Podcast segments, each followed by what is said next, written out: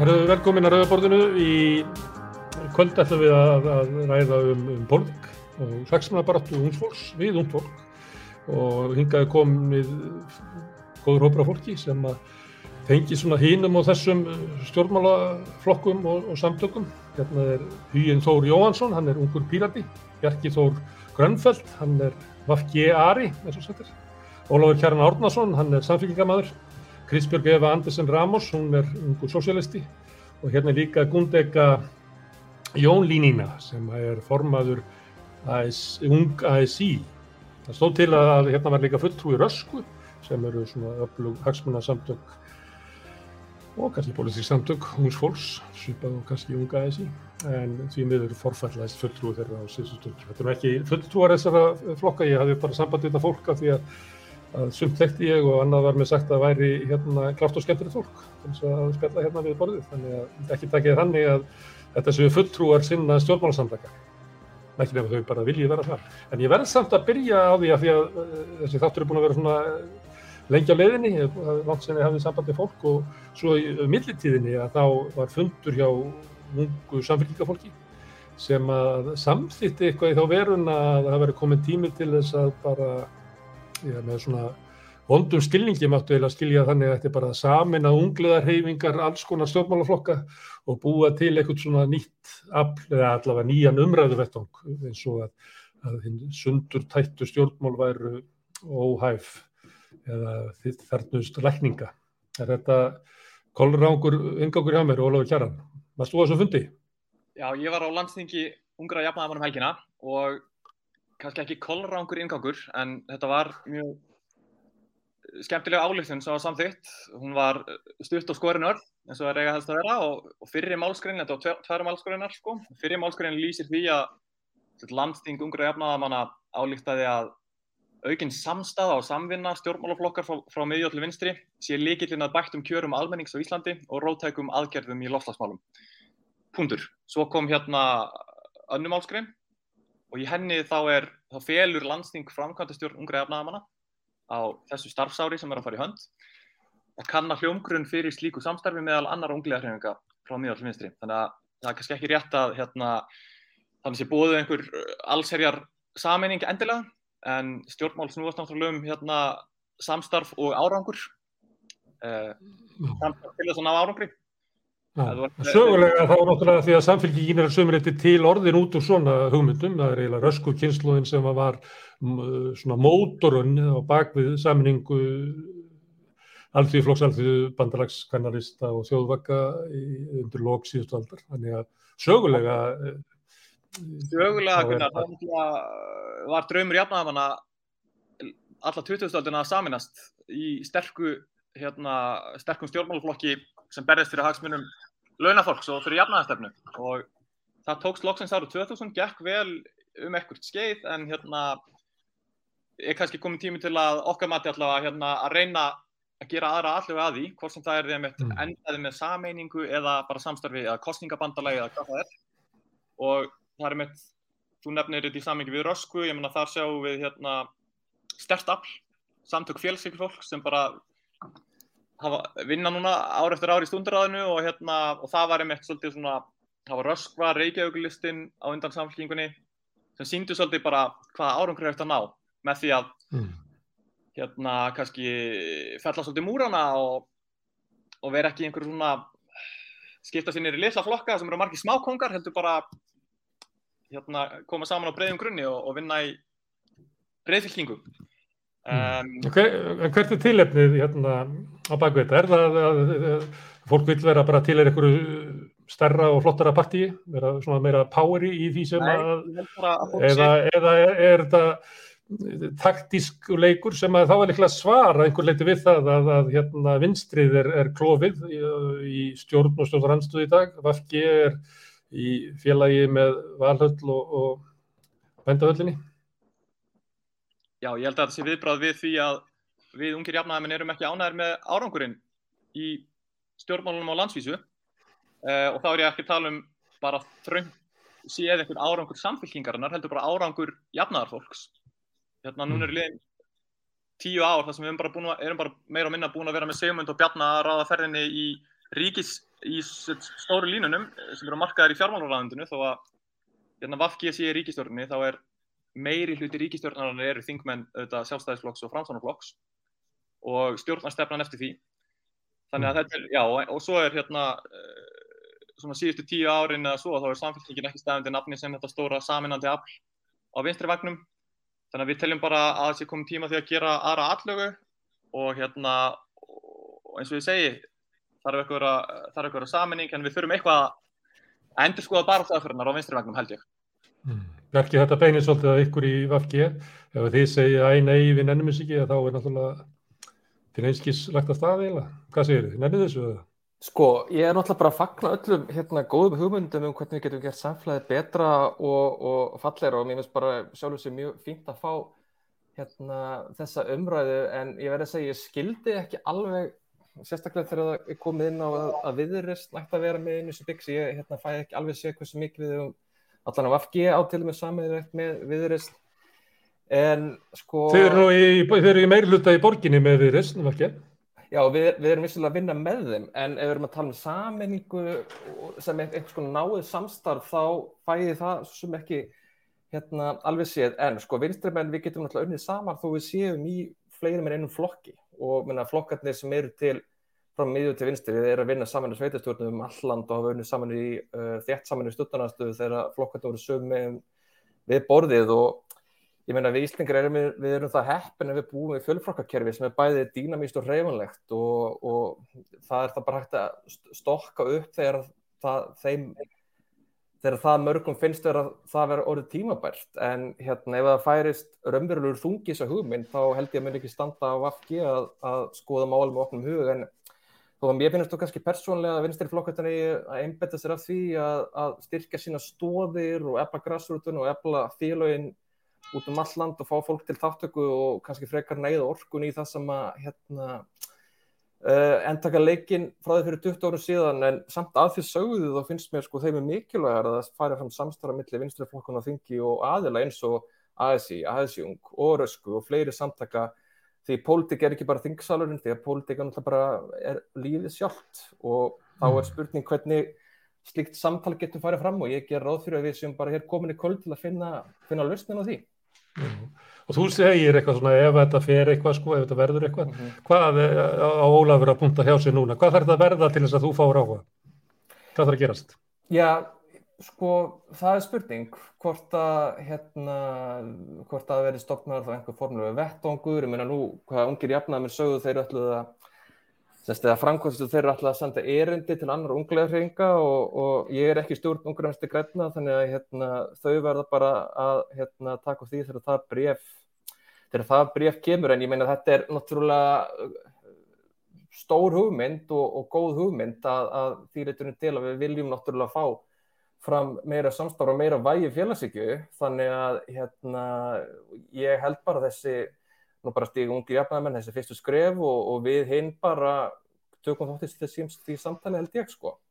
Mm, hvað segir þú huginn? Hérna, nú eru svona, ég meina líklega, ég mér finnst það, mér finnst það að skemst á milli sko pírata og samfélgjarnar, það er náttúrulega móðgast allir við þegar maður segir eitthvað svona, það er að meta það hvernig aðrir hafa það sko, en hvað, hvernig slær þetta ykkur, auki samstarfið samfélginguna og aðra flokka? eða er það mikilvægt atriði að píratar séu bara þessi sjálfstæða rött inn í einstaklega stjórnmálum og það myndi allt eðaleggjast ef, ef að þið færið að starfa með öðrum? Ég myndi nú alls ekki segja það. Uh, hvað var þar einhvers konar samruna get ég í raun ekki tjáð fyrir hund flokksins hvernig það væri en ég hugsa allan að mín skoðun væri sannlega nei. Samt sem að ég segja það, ég hef algjörð blætið fyrir samstörfi sko, mér finnst alltaf gaman að sjá það sem að hægt er að vinna saman að maður skuli vinna saman að því uh, veist, ef það er eitthvað sem við erum sammálu um að þá sjálfsögum við að vinna saman í því og já, svo sem það er oft sem að við erum sammála samfélgjufinni það, það, mm. það, það er ekki óvelgengt en, mm. en það er líka sumálitni þar sem að, að okkur finnst betra að vera einn mm. um, og það er hey, hva, Má ég spyrja, í hvaða málum finnst þér að það væri ólíklegast að þú getur dreyið sko Ólaf Kjaran til því? Já, nú veit ég ekki hvers, hvers skoðan hans Ólafs Kjaran sjálfs er, er eru. Um, ég veit ekki, hvað, hvað með tölum, tökum bara, já, svo sem eitt sem að hefur oft stuðað mig kannski að, að einhverju leiti, ekki eitthvað alvarlega, með, með samfélaguna, er, er sagt að þessi ekki opið, hérna, uh, sem sagt, hvað er eftir orðið, afsakið, opið, op, Það má sletta. já, ég, ég, ég man ekki heldur þarna, Ó, ég, ég útskýri bara hvað ég er að tala um. á, kostningarnar inn í, inn í frambáðslistana. prókjörið. Þetta nefnd, ekki bara opna Já. kostningu. Það er eitt sem að, ef ég ætti að fara eitthvað tíma í eitthvað svona meira svona náið struktúrað samstarf, Ólafur lítur að geta, samt, Ólafur þú samt ekki þetta bara strax, ég held að það hefur nú bara verið alþjóðflokkur sem fann upp prókjör á Íslandi, þannig að þið hljótið að samþykja þetta bara í galli. Já, það er nú ekki alltaf þannig að það sé einhverju upptilgnemt hjá samfélkingunni reyndar.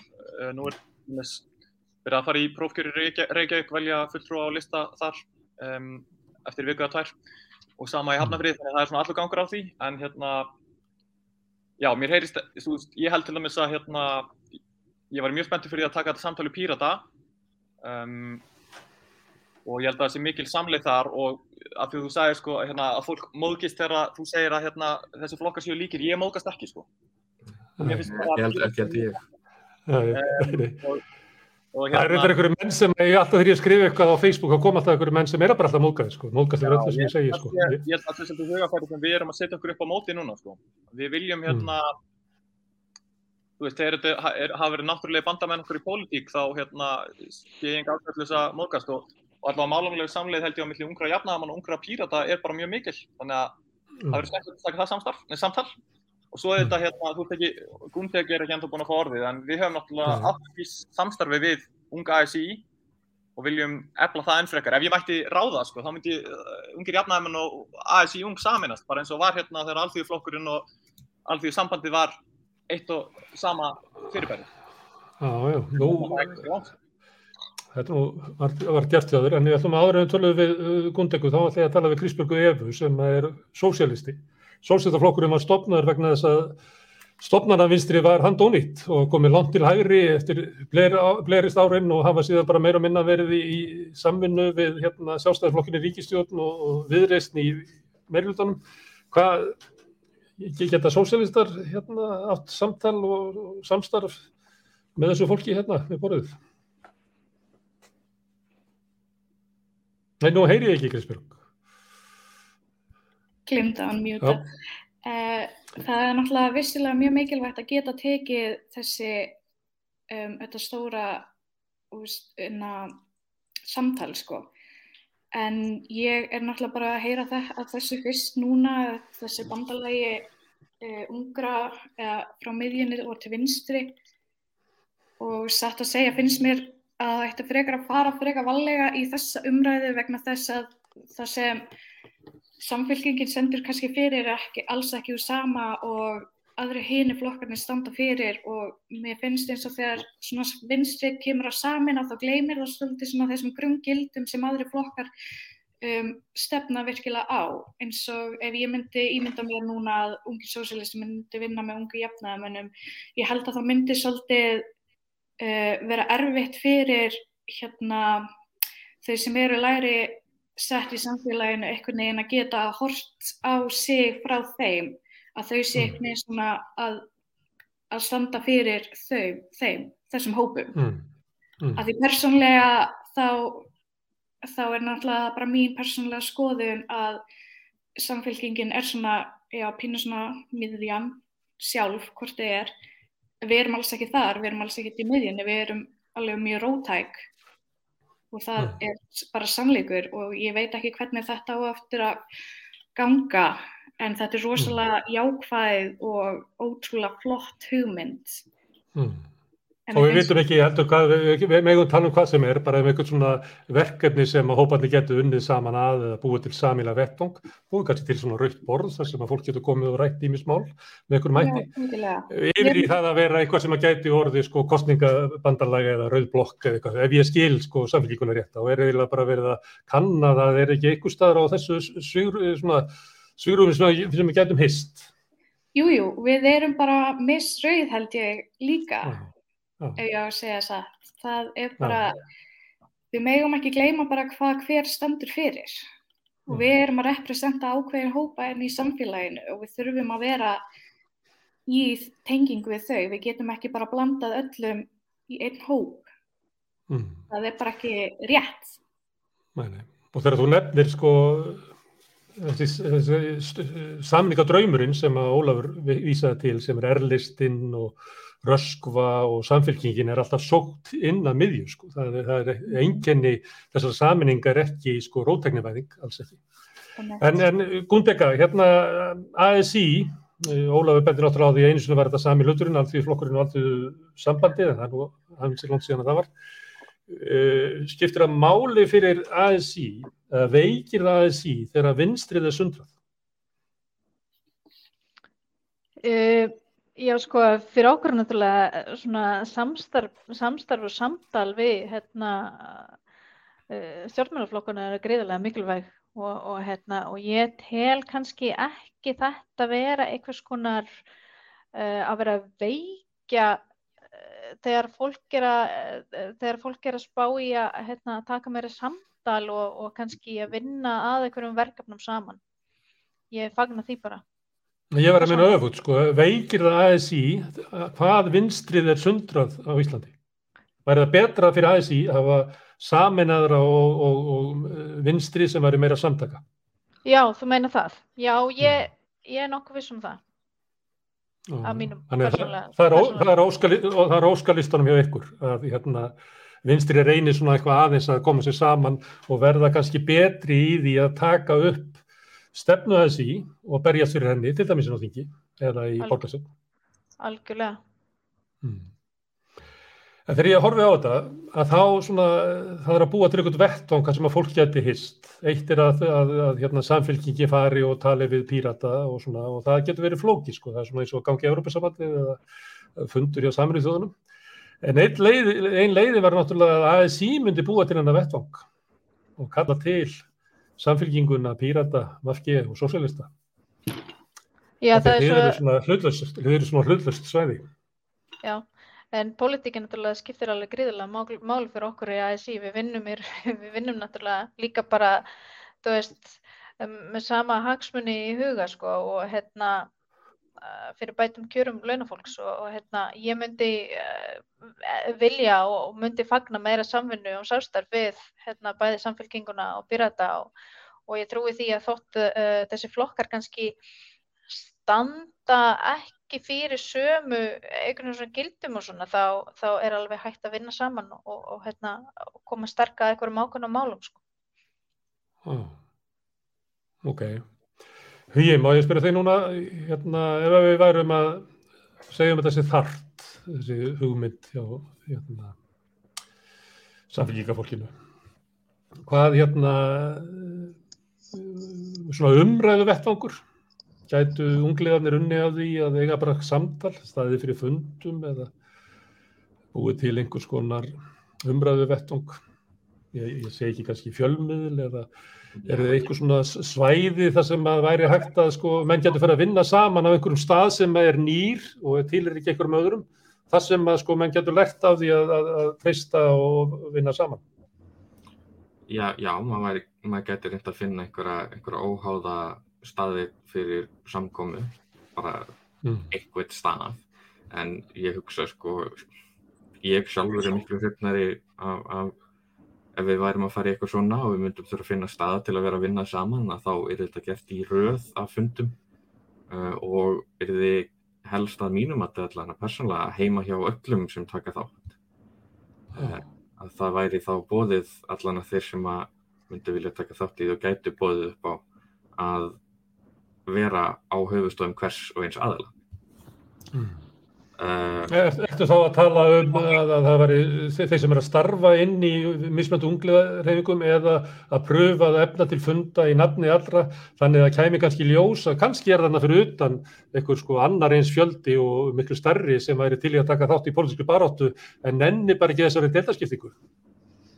Já, en það er náttúrulega fyrir eftir hvort er um með að ræða að búið einhverja blokk sem er saman í, í, í rosalega mikið af hlutum eða bara reyna að finna hvar við vinnum saman á hverju málefni. Ég meina ef, ef markmiðið er að reyna að búa til einhverja rauða blokk eh, inn á þingi eða í borg eða hvar sem er, uh, þá myndi ég kannski ekki endilega henda, henda mín nálgun jafn mikið en upp á bara það að vera að skoða með öllum hvar eru við sammála, hvar getum við reiknað með samstarfi, þá myndi ég vilja alltaf fara bara heim til hvers veits aðra, Mm. heim til hvers flokks. Bjarki, hvað, hafið þið eitthvað í svona að sækja? Hafið þið eitthvað í Sko- eitthvað svona samtal við hinn að vinstarflokkana eða hafið það bara svo gott þið með fórsættisráðurann og þurfum við ekkert á öðrum að halda? Jú, jú, það þarf nú alveg hérna þó nokkuð marga einstaklingi til að halda úti stjórnmálaflokki eins og allir sem við, við þetta borð uh, þekkja mæta vel. Sko, ég velti fyrir mér, það er hérna talað um sko einhvers konar, hérna, komast að einhvers konar vettvangi fyrir eitthvað, fyrir samtal, það sem að sé uh, kannað hvar við, hvar þessir, ef við, þá, ef við getum lift okkur að kalla það vinstriflokka eða miðjuflokka, ná saman. Og þá er náttúrulega, hérna, eru fletirnir, það eru kvenfærsmálinn, það er verkefnismálinn, það eru umhverfismálinn og náttúrulega miklu fleiri flokkar. Og ég held sko, ef við ætlum að byrja þetta samtala alveg, þá væri náttúrulega best að byrja í græsrótinni og þá meina ég helst á sveitstunastíginu, þar sem er sko málefni nærsamfélagsins uh, eru í fyrirrúmi og ég held að það fólk sem er að vinna í sveitastöndum um all land, ekki bara með á þessum, á milli þessara þryggja flokka sem að er rætt um hér og svo náttúrulega eru, eru fólk sem eru í sveitastöndum sem eru virkir eða virk í uh, unga SI og fleiri og fleiri svona sambarlegum félagum, það, það er raunverulega það fólki sem kannur okkur best að vinna saman og getur fundið kannski, getur fundið þessi samfélagum fliti, þannig að ef við að, ef við erum komin það langt að tala með einhverja praktík, hvað myndir nú leggja til að byrja þar sko? Mm. Og hvar þá ekki í Reykjavík, heldur í svona, það sem hafa verið svona erlista frambóð er ennþá að lífi? Ég held nú að sko borgarfjöldunir Reykjavík kunnu nú örgulega sko ágætlega að vinna saman en jú það er náttúrulega rétt að það er náttúrulega hérna út um land eru mjög víða blandaði listar sem byggja á bara alls konar grunni og jafnvel tengjast flokkunum ekki neitt eða þó bestafalli bara mjög lauslega og svo Mm. náttúrulega eru sveitafjölu ennþá sem er óhlutbundin kostning og fólk er kosið inn bara handreitað, það er ekki, ekki krossa við listabókstaf. Mm. En eh, þú nefnir Reykjavík og samstarfið þar. Það er nú ekki, ef ég má vitna í hana Kristbjörgu sem var að segja svona samning gæti einmitt ítt rótæknin í burtu. Það er nú eiginlega dæmi, meirlutin Reykjavík er svona, hann er eiginlega minna sósialískur heldur en sko þingflokkur samfélkingarinnar og, og, og, og þannig að Já, það, já, er frekar, já. er frekar saminning um, svona, um að vera ekki með neitt á dasgrá sem minnir á stjættastjórnmál eða neitt sem að tengi sósialismu. Það má nú samt alveg taka fram í þessu sko að eins og þú hefur nú sjálfur rætt um að velferðarkerfið í Reykjavík er mun sterkari heldur en í nákvæmlega svitafrjónum sem er einmitt stjórnum af, af íhaldinu sjálfu. Þannig að ég held að það sé nú kannski ekki alveg sangjant að segja að það sé búið að draga allar tennur úr fólki í borgarstjórn sko en hérna en, en vissulega ég er samt sammála hérna því sem að Krisbjörg sagði að svona saminning getur dreigið úr getur dreigið tenn, Mm. vígtennurnar úr svona baráttu, það er alveg hárétt, hárétt matt. Já. Þeir eru náttúrulega þeir sem að gætu verið sósialistir hérna inni, Bjarki og Kristbjörg, Vafki og, og, og sósialistarnir. Það er svona samfélkingi fór svolítið langt frá sósialistanum, Mm sósialismanum. En það, hvað séu Ólafur Kjaran, eru þið sósialistar í samfélkingunni? Það er, það vantar hljóð. Hérna, Já. jafnaðarstefnan er sko grundvallar stefna samfélgarinnar og Já. það er í rauninni stefna sem er hægt að kalla sósialisma sko og þó að þú ert að vísa til einhverja fortíðar að eh, við höfum fjarlægst það einhverju tímúti talaði ræðan um sósialískan þingflokk okkar hérna, Það væri sósialískari heldur en meiri hlutir í borginni. Það var svona að reyna að meta það saman. Svo. Já, en sko meiri hlutin í borginni hefur náð meira árangri og hérna ég velti ég mitt fyrir mér sko að, að þeir sem hérna tala hér um að sko það fær allt í vaskinn og að hérna sjóna með svona rótækninar myndu tínast þú veist, árangur sósialistar til dæmis náðu ekki inn á þing síðast með sín fjö, þó 4% en ef við hefðum hérna Við, við, við, stækkuðum þó en þið minguðu. Við erum í sók. Það var algjör klúður og við varum ekki bara hérna þú veist, saman í einhverju breyðfylgingu þar sem þessi prósent myndur nýtast. Þannig að ég nefni þetta bara sem dæmi, sko, að, hérna, um Já. það hvernig mikilvæg sjónamið geta bara fallið milli skips og bryggju ef við hérna passum okkur ekki að, þú veist, af því að kraftur samstöðunar er mikil. Þetta veit verkalýsreifingin og það voru mörg stjættafélög og það eru þetta ólíkir hagsmunir, hérna, ólíkir hó- hópar launafólks sem bara lærði það og hafa blessunlega haldið saman síðan 1916 í ASI að það, er, það var best fyrir þau að vinna saman og ég fagna því mjög að hérna, heyra bara hvað Gundega fyrir hönd ASI ung tekur vel í þessar hugmyndir um, það gleður mig og sömulegis lýst mér mjög vel á þessar hugmyndir sem huginn nefnir hérna um hvernig við getum tekið þetta samtal lengra. Það, það hefur auðvitað átt í stað sko óformlegt samtal, þetta er ekki bara algjörlega upp úr þurra að frumkvæði okkar uh, á milli fólks úr hérna hinnum ímsu unglegarhefingum. Til dæmis var hugmynd frá ungum sósialistum fyrir síðustu kostningar um að halda sameigilega fundi, það var ekki af því, ég man ekki hvort það var veirunni að kenna eða hvernig það var og hérna og við höfum átt samtal bara svona einn og einn við fólk úr fleiri flokkum og þannig að hérna, ég held að sé klárlega alveg jarðvegur fyrir þessu. Það er spurning hvernig við tökum þetta áfram og, og þá lýst mér vel á hugmyndarnas hugins að við hérna, jú, væntalega mun framkvæmstastjórn ungra jafnaðamanna eiga eitthvað frumkvæði og senda bréf eða erindi til stjórna annara unglega hreyfinga og kannski er hægt í kjálfarið að hittast fyrst stjórninnar og það svo til opina funda um eitthvað.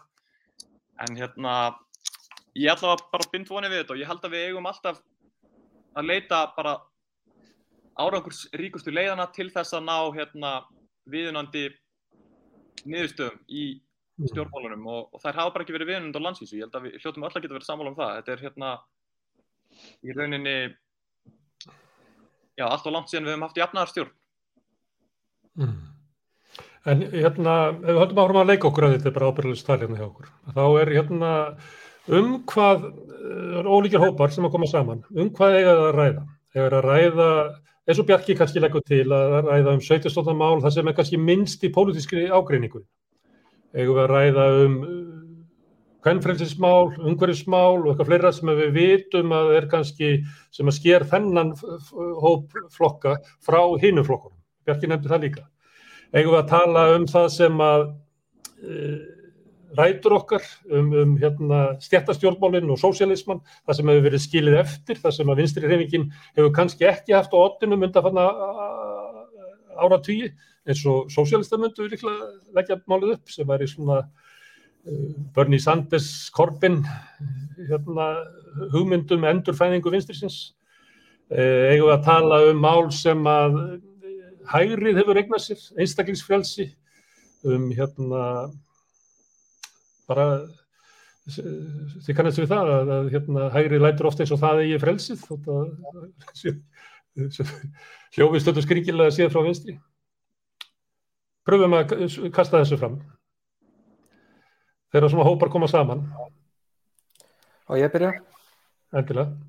Sko, ég tek undir það sem þú segir, Gunnar Smári, með, hérna, með einstaklingsfrelsi að við þurfum svolítið að ná því uh, tilbaka og sko, einstaklingsfrelsi er alltaf bara grunn, grunnstef í vinstri stefnunni, bara hérna, mm. snýst um frelsi og jöfnuð í grunninn og, hérna, og það gæti náttúrulega bara verið þemað sem við ætlum að leita að í hvernfyrirsmálunum, í mentamálum, umhverfismálum, verkefnismálum og bara öllum þessum hérna öllum þessum mikilvægu, mikilvægu málaflokkum og sem sagt, já, það er spurning hvernig svo vinna, hvað kemi, hvað kemi út úr henni og já, ég bara hlakka svolítið til að heyra hvað hinn segjum það sko. Hmm. Hvað segir þið krakkar? Hver nákvæmlega var spurning? Og svona semst, hvort það væri sniðugt að tala um eitthvað sem að kannski vinstri hefði ekki mikið talað um eins og einstaklingsfrelsi, taka eitthvað svona svæði sem að væri óreift sem að geti komið eitthvað nýtt út úr í staðin fyrir að vera sko að semja um það sem að fyrir er. Það er líka að ég hafa talað um að Bjarki nefni það að, að hægrið hefur stólið frelsinu, hægrið hefur líka svolítið stólið sko framtíðinni. Þegar sósialismi var eitthvað best að þá trúði fólk því að pólitíkinn geti byggt upp gott samfélag sem væri framtíða samfélag okkar allra. En með nýfrálsvíkinni þá var hugmyndum það að það væri ekki verkefni pólitíkurinnar. Heldur myndi framtíðin verða til út af tækni nýjungum og alls konar verkum e, frumkvöðla hér og þar í, í samfélaginu og það væri alls ekki verkefni sko, stjórnmálana að, að, að búa til framtíðina. Þetta ég kasti þessu bara svona fram. Já, ég, ég tek mjög undir þessar pælingar með, með einstaklingsfrelsið og, frelsið og einstaklingin. Uh, þú veist, ég hérna, ég líður svona smá eins og ég sé örgulega minnst rauður hérna af hópunum en það er samt sem að þannig að, að þó svo að, að ég sé rosalega upptekinn af, af einstaklingsfrelsinu og, og, og ég breytti þar, þá er, finnst mér líka mjög mikilvægt, veist, Æ, veistu, ég, mér er bara oft hugsað til hvernig er alltaf gert grínað pýritum fyrir að vilja ekki merkja sér neitt flokk og samt er þeir allir einhvern veginn vinstri uh, en svo er líka fólk pyrrað út af því að við töljum bara um einstaklingsrétt til að gera hitt og þetta og, og, og lögleðing fíknefn og all, alls konar svona umræðefni sem eru rosalega mikið bundin á persónu frelsinu. Mm. Uh, ég vil definitely sjá uh, frekar umræði á vinstri vagnum um frelsið og, og taka þetta orð úr úr kjæfturum á þeim svo Mm. að þegar þeir fara að tala með þetta þá er það ekki lengur bara hægrið stýður frelsi þitt sem einstakling Já, er það ekki rétt sem að hugin er að segja að, til dæmis lögleifing fíknefna er, væri raunverulega vinstramál á meðan að hægrið svona eh, vill fá áfengi búðir til þess að það, það fyrir ekkert lengra en það, það er einstaklingsfrelsi það er ekkert lengra hjá þeim í, í svona áfengis og fíknefna málum. Hvað segir þið? Má ég spyrja á þessu? Lögleifing fíknefna? Kannski áður en einhver svarar. Ég, ég sagði lögleðing en, en almennt eru pýritar oftast að tala um afglæpaðinguna bara svo að það sé ekki fara að vera að leggja orð í nýtt mun þar. En, en ég sagði Nei. sem fyrst lögleðing Það er, þetta, lög- þetta lögleifing er bara klassíska, það er náttúrulega bara bandaríkin er að leifa hér eh, meira en helmingurinn af fylgjónum komum búin að leifa hérna, eh, afglæpa veða eða lögleifa, uh, gras. Þannig, Já, ég held að hérna, það sé bara þó nokkuð mikil samstæða um þessa afgleipavæðingu sem að hérna, Gunnar Smári talaði um. Sko, lögleiðingar kannski, ég veit ekki, eitthvað sem getur komið framaldinu, uh, allavega þá að, að einhverju leiti en allavega hefur verið svona það sem hefur talað um í meginströðum myndafærið og er veriðströðun og nást sem betur fyrir ákveðið sáttum er hérna, þessi, af, þessi afgleipavæðing og í rauninni uh, svo skaðsemi sem, sem, svo skaðsemi sem að uh, bannstefnan hefur haft í sér og ég mæli bara eindrið með bandarsku þóttunum dópsik fyrir þá sem eru uh, í einhverjum vafum það að fíkn sé uh, einhvers konar einstaklingsval. mm. Hvað segir þú, Kristbjörg Eva? Umræðu inn í vinstrinu um einstaklingsfrelsi og svona hægri mál, væri það svona hressilegt? Já, já, að sjálfsögðu. Um, þetta þarf náttúrulega líka að vera í takt við samfélagsumræðina og þetta er búið að vera rosalega mikið svona í hápunkti um, síðastlina mánuði eða ár jafnvel. Og þetta er alveg 100% eitthvað sem hægrið er búin að bara taka einhvern veginn einhver rétt á og það er mikilvægt að við um, hérna bara segjum bara okkar skoðun á þessu og bara segjum bara þurfum að virkilega hafa hátt núna varðandi þetta því þetta er svo ótrúlega þetta getur verið svo viðkvæmt málefni fyrir fólk svo endilega bara þau megi ekki einhvern veginn bara taka yfir þessa umræðu Mm. við vinstri þurfum að vera mjög sterk þar líka Mm. Hérna, í hægrinu er það reynda þannig að það eru ungliðarnir sem að eru með þessa stefnu og hún næri nú bara svona svona upp til hérna gamla fólksins og í hægrinu eða sjálfstæðarflokknum þá he- hefur, hefur ungliðar hefur ekki svona ákveðið hlutverkin í flokknum sem er að reka hann áfram svona í áttina að einhverjum hugmyndum um, um nútíma og, ekki frels og eitthvað slið sem getur vel verið að sé bara góðsök sem að stendst enga skoðun hafa ungliðarhefingarnar í vinstrinu eitthvað slíkt hlutverk? Gætu þær til dæmis bara sett eitthvað mál á dasgrá og svona hálf neitt hína flokkana til að taka upp? Ólafur Gerðan. Já, Já, sko, þetta hlutverk unglegarhefingana sem þú nefnir eru þetta, hérna, þetta er alveg rétt og á líka alveg við um unglegarhefingar á vinstri vegnum. Til dæmis af því að þú ert að ræða hérna afglapavæðingu fíknefna eða lögleðingu. Þetta er orðið algjörlega mainstream mál allavega á vinstri vegnum í unglegarhefingunum og eiginlega líka í flokkunum. Þetta er á stefnuskrá samfélgarinnar og pírata og já, væntalega, ég veit ekki, Vafki er kannski líka sósælista. Um, þannig að það er auðvitað, já, þannig að alls konar mál sem maður mann eftir það sem ungir jafnaðamenn og aðrar unglegar hefngar hafa kannski gert einhver læti á landsfundi og fengið eitthvað í gegn eins og hérna þegar samfélkingin laðist gegn oljuleit og svo framvegs en sko varðandi frelsið af því að þú ert að velta fyrir þér sko hvort að vinstriflokkanir geti komið með eitthvað innleg þar, ég menna frelsi, jafnbreytti samstæða eru grunngildi jafnaðamanna sko, allt síðan hérna á átjöndöld og það er vegna þess að við trúum því að jafnaðarstefnan sé líkilina frelsi fyrir þorra almennings. Og stóra, stóra, stóra frelsismálið. Mér finnst hérna lögleginn fíknefna er kannski alveg veiga mikið mál og mikilvægt frelsismál. Hvort það er afklapavæðingi af fyrst eða lögleginn svo eða hvernig sem það er. En stóra frelsismálið er frelsi undan ótaðum lífsafkomi frelsi frá fátækt og hérna frelsi til þess að fæðast inn í svona sæmilu kjör og geta sólt sér mentun og geta hérna valið sér svolítið einhverja leið í lífinu óháð því inn í hvaða aðstæðum maður fæðist. Þetta eru þetta hérna, stóra viðfangsefni jafnar manna og jafnaðarstefnunar og félagsíki fólks alltaf og allstaðar. Og þess vegna held ég að hérna, þetta væri þetta svolítið mál nr. 1, 2 og 3 ef við ætlum að setjast niður og tala saman um hvað við getum gert. Þetta er bara missjón vinstrivangsins í pólitík er að hérna, verða skemmt þáttækt fyrir betri kjörum fólks, launafólks sem er þorri almennings og svo verð ég að bæta við þá punkti 2 ef punktur 1 er hérna frelsið undan óttum líf, lífsafkomu eða frelsið frelsi undan fátækt eða kjör venjulegs fólks í þessu landi þá er punktur nummið 2 þarf að vera róttakar aðgerri í loftasmálum og þetta eru þessi tveir punktar sem voru nefndir í álistun ungra jafnaðamanna um e, á þessu landstingi um helgina. Og okkur, þeir eru svona koma svolítið sjálfkrafa okkar megin og ég væri forvitin að vita og, og það kemur í ljós kannski í samtalenu við hinnar unglegarhefingarnar hvort að þetta er ekki einhverju svona bara tvö megin mál sem er eftir að saminast um til að byrja með og, og skoða síðan í framhaldinu hvort að við þurfum að láta sko einhver, einhver ágreiningsefni í minni, í minni málum stöðu okkur, stöðu okkur frá því að ná árangri.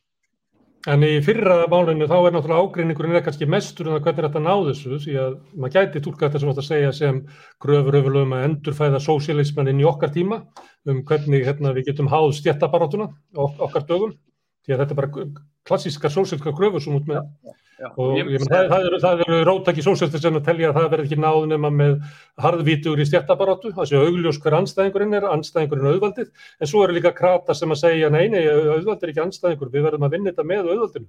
Þannig að þannig eftir kannski komin alveg í hjarta á ágreiningnum á milli sko krata og rótaka vinstrimanna. Ég veit ekki af hverju segir að kratar vilja vinna með auðvaldinu sko, flokkarnir sem við horfum til, sýsturflokkar okkar á Norrlandinu sem hafa náð mestum árangri það eru flokkar sem eru í bara mjög beinum tengslum við alþjóðsamböndin þar í, í þeim löndum. Og við erum í þessu hérna apparati sem heitir til og með SAM-AK sem er sameilur umræði vett á einhverju jafnamannaflokka og alþjóðsambanda á Norrlöndunum og þar hittast bara fóristu fólkið hérna jafnamannaflokkuna og verkalýsfeyfingana fóristu fólk verkalýsfeyfingana á sæti í framkvæmdastjórnum þessara flokka. Sams, samstarfið þarna er bara mjög mikið. Þetta eru kratar, sósaldemokrater sem stefnað í rauninni sósialisma með líðræðislegum leiðum, líðræðisjafnaðamenn og mm. það er þetta bara sama stefnum að hér á Íslandi en hefur bara ekki gengið nógu vel. Og hugmyndin okkar er að þjætta ræðinar með því að auka samstarfið okkar á milli. Og hérna og hvernig náum við árangri, þú veist við þurfum að ná árangri á stjórnmálasviðinu líka. Verkalýsreifingin er sterk hér. Uh, stjórnmálaflokkanir hafa ekki verið að ná viðunandi árangri. Þess vegna erum við að mm. leggja til að við skoðum breyttar bara það fyrir Gúndega, þetta er eiginlega bónors til ASI sem er eiginlega svona leiðrétting á sögunni að hér var meiri klopningur á milli stjórnmálaarmsins í sósialísku baróttu, á milli verkalýsreifingarinnar og hinnar pólitísku baróttu. Það var meiri aðgreining hér heldur en að var á Norðurlandunum og það eru mistök íslendinga. Það er hérna út af klopningi eh, vinstri manna á sínum tíma að þá var ekki fríður um, um allþjóðsambandið og það slittaði þarna á milli. Þannig að til að lækna, ef ég tólka það sem Ólafur var að segja, til að lækna vinstrið, að þá þarf eiginlega sko allþjóðsambandið og verkefliðsreifingin að gera það. að því að stjórnmálavinstri getur ekki lifað án þess að hafa sko verkefliðsreifinguna og þannig að við þurfum að eignast á heilbriða og öfluga verkefliðsreifingu og sem að vinnur í samvinnu við heilbriðt og öflugt stjórnmálavinstri. Hvað en e, þegar þú ert að tala um e, samtali og samstarfið aðra stjórnmálarhefingar, áttu þá við flokkana sem eru svona miðjan og til vinstri, eða ert að tala um að þið þurfi líka eiga gott samstarfið sjálfstæðsflokkin og miðflokkin og, og framsókn? Sko þegar ég er að tala um svona hérna, samtala um samstarf, samstarf uh, akkurat núna þá er ég að tala uh, svona minn persónulega skoðum flokkana sem er, er til dæmis hér í dag og, og, hérna, mm. og við höfum verið áður í hérna, samstarfi við. En, en að sjálfsögðu verkalýsrefingin að uh, verkalýsrefingin þarf líka að vera í góð samstarfi við aðra flokkana líka. Það bara bætir í okkar Eh, þú veist styrk og, og allt það en, en hérna svona akkurat í dag svona samstarf hérna sé ég það sem Ólafur Kjærun var að tala um uh, einnig finnst mér alveg gríðarlega skemmtileg hérna hugmyndum að taka samtalið um sagt, einstaklingsfrelsi mér finnst það alveg gríðarlega spennandi hérna svona tópikt þess að ræða uh, með stjórnmálaflokkana það sem þetta eh, skiptir náttúrulega gríðarlega máli fyrir okkur í, í verkefliðsefningunni. Mm. En um, stundu þegar ég er hérna með fullari fólku uppborðið, eins og til þess að var ég með drífu og, og loga, hérna, sem að ég sagði að væri í samastarfinu, eins og mér var þetta samastarfið að vera formaður alþjóðsabasis og formaður alþjóðfloksis, en það er náttúrulega, það maður það engin lengur. Að þá heyrði maður hérna, að, að þessi hugmynd sem að Ólafur er að vísa í að það sé einhver lækning í því að, að vinna saman með verkefliðsleifingunni og stjórnmálaðaflinu, að hún hún er lifandi og, og eftir kostningarnar þá hitti ég þau einu sinni sem oftar hérna við þetta borð. Og þá var það augljóst á loga að, að hann eiginlega svona bað til verkefliðsleifingarnar um svona, já ég segi ekki leiðsök sko En ég upplýði það sem að við hefum verið að hlusta á þetta. Við vitið náttúrulega oftir að maður að hlusta á fólk að tala saman, það er alls konar undirteksti og eitthvað fleira og voðalega flókið að, að hlusta á fólk það sem er svona hjartbyggisvæði og alls konar.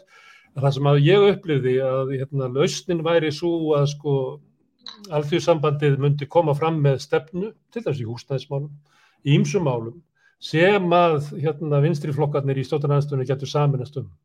Að það væri svona fljóðlegasta lækningin að hérna í staði fyrir að menn myndu sko píratar og, og samfélgíki væru svona að karpa um, um, um það saman að þá kæmi svona eh, einhver stefna sem að öllum væri ljóst að, að ég menna ef að þetta er stefna alþjóðsafansins að þá tökum við hana bara upp í staðan fyrir að vera að fara að búa til okkar eigin sem er eitthvað pínulítið öðruvísi. Algjörlega. Þetta, ég... Já, þú ert saman á þessu. Já, ég er algjörlega saman. Þið hafið raunverulegt hlutverk. Já algjörlega og ég held að við erum að fara að sjá einhvern veginn lætið mig vona og, og hérna við samfærið að við erum að fara að sjá það í, í framtíðin Já, þetta sé bara verða. Já, algjörlega Svo við veitum nú í rauðaborðið aftur að þá fyrsti þátturinn sem var hérna, þá talaði við drífu fyrir, ég fann ekki hver þetta COVID byrjaði fyrir næstu í tveimur eða þreimur árum sko. Að þá sagði hún að sko verkefliðsreyningin væri höfuð stjórnarnanstæðan á Íslandi Já, ég, ég hérna, tek undir það, algjörlega, að vona það er þannig, sko, já. Ja, Bjarki, þú getur ekki tekið, ja, Bjarki, þú getur ekki tekið þetta. Þú, þeir eru í ríkistjórn. Já, við erum í ríkistjórn. Verkið og... er ekki með í stjórnanstöðu, þá er hún ekki með ykkur. Þú getur sagt að segja sem sagður þetta aftur. Eh, ef að verkefnisreifingin er í stjórnanstöðu, þá getur hún ekki verið með ykkur.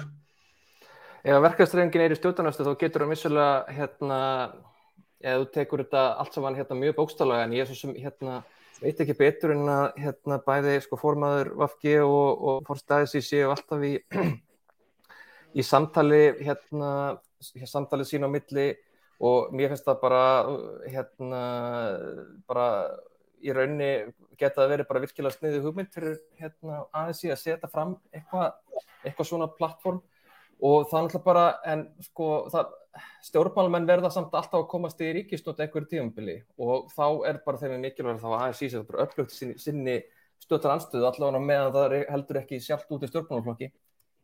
Já, en ef að segjum þetta sér svona, það tökur bara húsnæðsmál, uh -huh. ASI móta svona stefnu og, og samfélkingin og píratanir kannski út af veikri stöðu sinni í stjórnmálaflokki stöðu stökku á þetta og segja, já, meina, þetta er bara allir skoð stefna fyrir okkur og þá er VFG sem að svona á venjulum degi ætti að taka upp þessa stefnu því að Mhm. þetta væri líklega sósialísk stefna verkefnisreifgarnar. Mhm. Hvað gerir VFG þegar VFG sittur í ríkistjórn með Sigurð Inga og Bjarnar Ben? Já, sko, hérna, við, það hefur náttúrulega verið lögð áherslu á uh, uh, uppbyggingu í fyrirslega húsnæði, það er komið fram þessi nýju hlututlán og alls konar og fleira og fleira og vissulega má hérna, uh, hérna alltaf gera betur en sko ég held að það þarf bara stefna náttúrulega bara að því að, að vinstri felði sterkara í ríkistjórn og vissulega hérna mynduðu vilja vera með til dæmis eitt vinstriflokk með okkur í stjórninni til viðbótar til þess að leggja ennþá mér áherslu á þessi mál, Mm. nákvæmlega þessi mál. En er þetta ekki, hérna, við tölum áðan um hérna, klopningin á milli alþjóðsabansins og, og uh, sósíaliska hérna, stj- stjórnmálaflokkana Uh -huh, sem er engin á Íslandi miða við Norðurlöndin. uh -huh. Það er annað enginni sem er hérna á Íslandi sem er ekki í Norðurlöndunum, sem er að vinstri flokkarnir starfa með borgarflokkarum hérna á Íslandi, Uh -huh. sem þeir bara gera ekki annars þar. Það er bara vinstri blokk, eða hægri blokk, það er náttúrulega einhver dæmi þarna uh, sent á tíunda áratugnum eða eitthvað staðar hér og þar, en svona megin atriðanum er það að það sem að Vafki gerði 2017, það bara gera vinstri menn í, Norð- á Norðurlöndunum ekki. Vinstri menn í Hollandi hafa gert þetta, þetta eru þeir bara hornir. En sko Uh, varðandi þennan klopning á milli sko verkefælisræfingarnar og flokkkerfisinn, sko ég hérna uh, allan okkur svo mikið fullir það en ég er ekki, hérna, kemur óvart ef það er þið fullkomið samstæðum þannig að sí að hérna, það fara í mjög flokkspólitíska baráttu aftur ef að svo umræðið eru tekin á stærri vettvangi uh, hérna, innan þeirra ræða því að allt sem að þau gera er vissulega pólitík og verður alltaf hápólitíst en það er spurning hvort að þið viljið tengja sig við uh, flokkana aftur. En hérna en varðandi sko samstarf sko vinstri flokka eða sósíalískara flokka og hægri flokkana þá náttúrulega ég veit ekki, ég man í hitt einu sinni hérna formann semst ungra sjálfstæðismann í Danmörku eða ung, ungu venstri var að útskýra fyrir hann þessa nýju ríkistun á Íslandi og, og hann alltaf bara skildi þetta ekki því að þetta verið aldrei hægt, hvorki hægurinn í vinstri myndu sætta sig við þetta, einfallega Mhm. því að bara í, í landi sem væri aðeins starra heldur en Íslands landi sem væri einhverju það sem væri já, meiri mannfjöldi það sem væri st- sterkari stofnanir og slíkt, þá væri þetta einfallega ekki hægt, en ég held samt sem aður að sko, í þessu kerfi þá fælst líka sko, stjórnmálu þurfa líka að vera segjanleg við getum ekki alltaf hérna, við getum ekki alltaf bundið okkur við eitthvað eitt og allt sem að, og það eigi að vera ófrávíkjanlegt. Og þannig að það fælst náttúrulega fælst í því náttúrulega vissulega tækifæri líka að geta brútið þetta upp og, og mér finnst oft sko það umræðan þetta heima er oft á þó leið að hérna að við eigum að taka upp blokkakerfum Norðurlöndum það sem er unnið í hægri og vinstri flokkum. En ef þú tala við fólk sem er virt í stjórnmálum á Norðurlöndum þá eru allir nú ekki þá er ekkit allir og eitt sáttur um, um það kerfi og eða þá hefð sko og þykir hún vera mjög Mm. heftandi Já, hún er að bresta, hún er að bresta í Og hún er að bresta, það er rétt. Sömulegis í Nóri. Hún er að, bre- hún er að viða að bresta, sko. Vegna þess og að flokkar sem áður til eru rauðublokkinni, þeir hafa ekki lengur styrk til þess að ná meirulda. Þá þurfa að tegja sín á miðjum. Nei, en svo náttúrulega til dæmis voru jafnaði minn í Danmarku þá leiða hérna kúvenda sér í mörgum mikilvægum málum til þess að klekja þessu kerfi með því að fara í mjög svona ógeðfelda átt í útlendingamálum eins og, við, eins, og, eins og hefur verið mikið rætt um á Íslandi. Mm. Þeir fjalli í freystni sem að er að, að hérna, það sé allt hægt að gera fyrir sigurinn. Að það sé hérna, því að starri sem þú ert og þú mátt til að gera hvað sem er og, og danskir jafnaðmenn freystust til þess að taka upp mjög ógeðfelda stefnu í innflytjandamálum. Ólafur Kjaran, þú veit ekki hvað svo langt fyrir sigurinn? Nei, en ég vek samt tek eftir því að, að það er engin hérna, dansku þjóðaflokkur til einhver um, og hægri blokkin ræður ekki ríkjum í Danmarku hérna uh, á sama tíma ég meina Vafki er í ríkistjórn sem rekur mjög mannfjandsamlega útlendingastöfnu sko.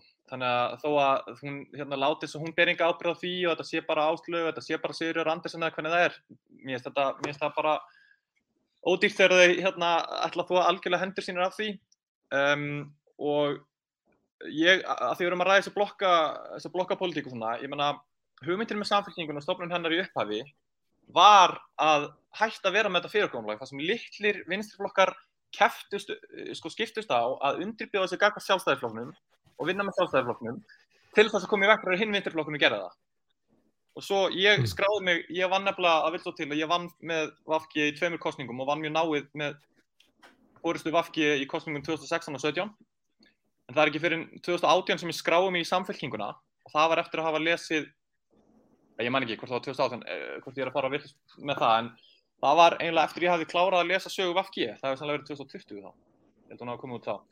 Vegna þess að mér fannst svo augljóst þegar ég las á ágætu bók sögu Vafki að hérna hvað þetta var að eftir kostningar hérna 2003 og 2007 og allt þetta þá var alltaf keppni sko Steingrumur Jóð að ringja í Geir Horti eða ringja í Davíð eða hvað það er til að reyna að mynda ríkistjórn til þess að samfélkingin gera það ekki fattuðu mig í staðan fyrir að þessi Mm. flokkar bara segðu fyrir kostningar við kjósendur þegar við erum hérna í rauðri blokk við erum félagsíkjufólk, við erum jafnaðamenn og við ætlum að vinna saman og við ætlum ekki að hérna fara síðan keppni eftir, kostningar um það hver getur hérna stungið hinn í bakið og unnið með stóra hægri flokknum af því að það hefur alltaf verið gert þannig.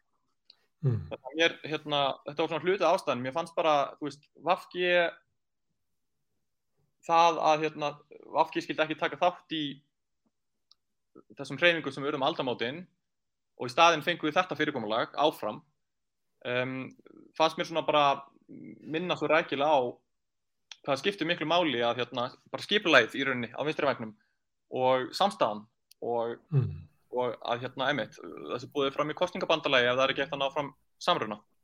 Mm. En hýin, hérna, hýin eru, því að þeir, þeir eru komnir hérna eiginlega í hár saman, uh, Ólafur og Bjarki í, í gamlan kýting, hérna, Ég tek nú ekki alveg, það. Er, ég, ég er að segja svona, en, en til þess að ná svona saman, þá var það mjög gott ef að píratarnir svolítið svona sterkir og gætu svona sest á milli hérna til þess að, að, að hindra það að samtali færi ekki í svona gamlar skotgræðir. Hérna, Já. e- e- eru pírati, ungi píratar nógu svona stórir og hérna eh, með hérna breinan faðum og stórt hjarta til þess að geta haldið þessum mönnum tveimur við borðið, fókusiruðum á því það sem að saminarað og eflir og styrkir. Já, það nú bara veit ég ekki, það fer eftir ýmsu, ég er með breiðan fann og hver sem er komið að knúsa mig, en, en ég veit ekki, ungi pyrirtar, jú, ég meina, við, við erum oft sammála samfélgjugunni, þá vil ég samt alveg taka fram að ég hef alveg tekið eftir í hérna núna hjá, í þessu spjalli hjá okkur, að það er eins og að vera að reyna að setja upp eitthvað svona shotgun wedding hjá pyrritum og samfélgjugunni, mér finnst það svolítið fyndið, Eh, en hérna, en mér finnst það er samt alveg rétt, við erum sammála oft, við erum líka stundum ósammála, ég meina þess vegna eru þetta mismunandi flokkar. Uh, þar að ekki já, ég er bara búin að vera spá svolítið, núna er umræðin svolítið mikið búin að vera snúast um, um að sigra kostningar, þú veist, mitt, ég tek mitt undir að mér finnst rosalega svona léleg, lélega spila þegar að menn snúa gegn gegn uh, uppruna sínum og tilgangi til þess að komast í ríkistúr til þess að vinna eitthvað. Líðræðið er ekki keppni til sigurs, þetta er bara hvernig við viljum stýra okkur og við öll eigum bara að vera fulltrúar okkar fólks hvort sem að okkar fólk sé nógu stórt og mikið til þess að sigra það ekki. Allt annað er óheðalegt þannig við verðum bara að vera okkar eigin fulltrúar og fulltrúar okkar fólks. Þegar við náum að vinna saman sín í kjölfarið þá er það geggjað. En við eigum ekki að horfa á þetta líðræði sem einhver keppni til að vinna til þess að komast í fórstisráð. Má ég bæta einu eða í ríkistofn heldur. Það er, það er óhöll pólitík í rauninni að horfa á þetta svona. Mm. Þú er að svona þetta Bjarki, þetta er náttúrulega þetta, var, þetta er eh, stór viðburður í íslenskum stjórnmálum, þessi ákvörðum vafki að fara inn í þessa ríkistjórn, það er bara Já, vissulega, ég ætlaði kannski bara að bæta við, sko, hérna, við getum sko vel unnið saman, við höfum bara sínt það sko marg oft í sjálfur sér, sko, Vafki, Samfélkingin, Píratar og Sósjálistar er náttúrulega nýrri og við svo sem erum, eigum bara snertaflut við þau í borgarstjórn en, en öll, öll, á öllu, öllum tíma hefur þess, hafa þessi flokkar náð að vinna mjög, hérna, mjög vel saman og ég myndi til dæmis bara að fagna aukinu leiðsku til dæmis frá alþjóðsambandinu í, í, slíku, Mm. í okkur samstarfi. Og er það ekki, líka brágætt fyrir ykkur í ungum uh, hérna, vafki, að því að hérna, þeir eru svo ung hérna við borðið að þeir eru öll eftir að þeir eru 70 ár, þannig að það að vafki sé í ríkistjórn núna getur nú valla, þú veist, á ég að stjórna aldrei umræðu, er ekki bara gama fyrir ykkur í vafki að hefja svona samtal við aðra vinstri menn um hérna, hvernig vinstrið ykkar eigi að vera, hvernig þið vilja hafa sjálfsögðu. vinstri í framtíðinni. bara Mm. að sjálfsögðu, þetta er alltaf bara dýnamík á, á millir okkur allra og, hérna, og við heyrum hvað samfélkingin, píratar og sólsælistar segja og þau heyrum líka hvað við segjum þannig að hérna, þetta er bara allt saman að bara henni besta og ég vona bara að við getum haldið áfram að vinna saman á öllum þessum vettvangum bara að góðum álum þar sem við eigum bara mjög marga snertifletti sko, saman hvort við erum í, í nokkrum flokkum og vinnum saman eða einum flokki og, og vinnum saman.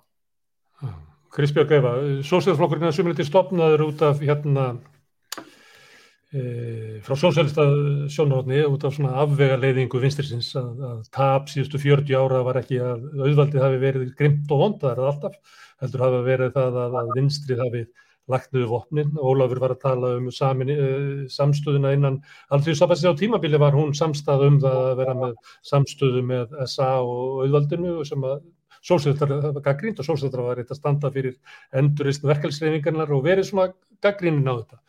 Serð þú einhver merki þess að svona starf sósjálista eða ungra sósjálista hafi haft árif á aðra flokka? Serðu það að svona stjættastjórnmálinn sé að verða meira áberandi, að ímislegt að, að, að sjónarhóttnið á þá sem að standa vest í samfélaginu sé að verða ríkara meðal vinstrimannana?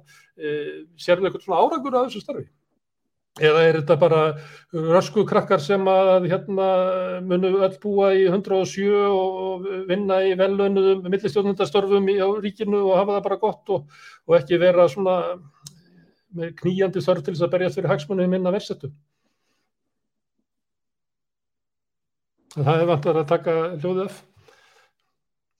Að hérna, mér finnst klálega að við hefum náða að opna bara mjög nöðsynlega umræðu um það verður settu í samfélaginu og með þeirri umræðu sem við opnuðum og lefðum bara að svona grassirast þá hafi, við verið að setja svona pressu á, á flokkana að taka líka þessu umræðu því þetta er náttúrulega umræða sem þau helst vilja forðast og reyna vísvitandi að bara að hérna bara snúa út úr og eitthvað svoleiðis þannig þetta var alveg mikilvægt að þetta var að koma frá fólkinu og ég tel að að rættir þeirra sem, þeirra sem held að þau átt ekki rödd hefur loksins náða að komast áfram í samfélaginu og við erum, við erum meira að byrja að hlusta á þau og hlusta á hvað þau hafa að segja, hvað þau þurfa og hvað þarf að breytast.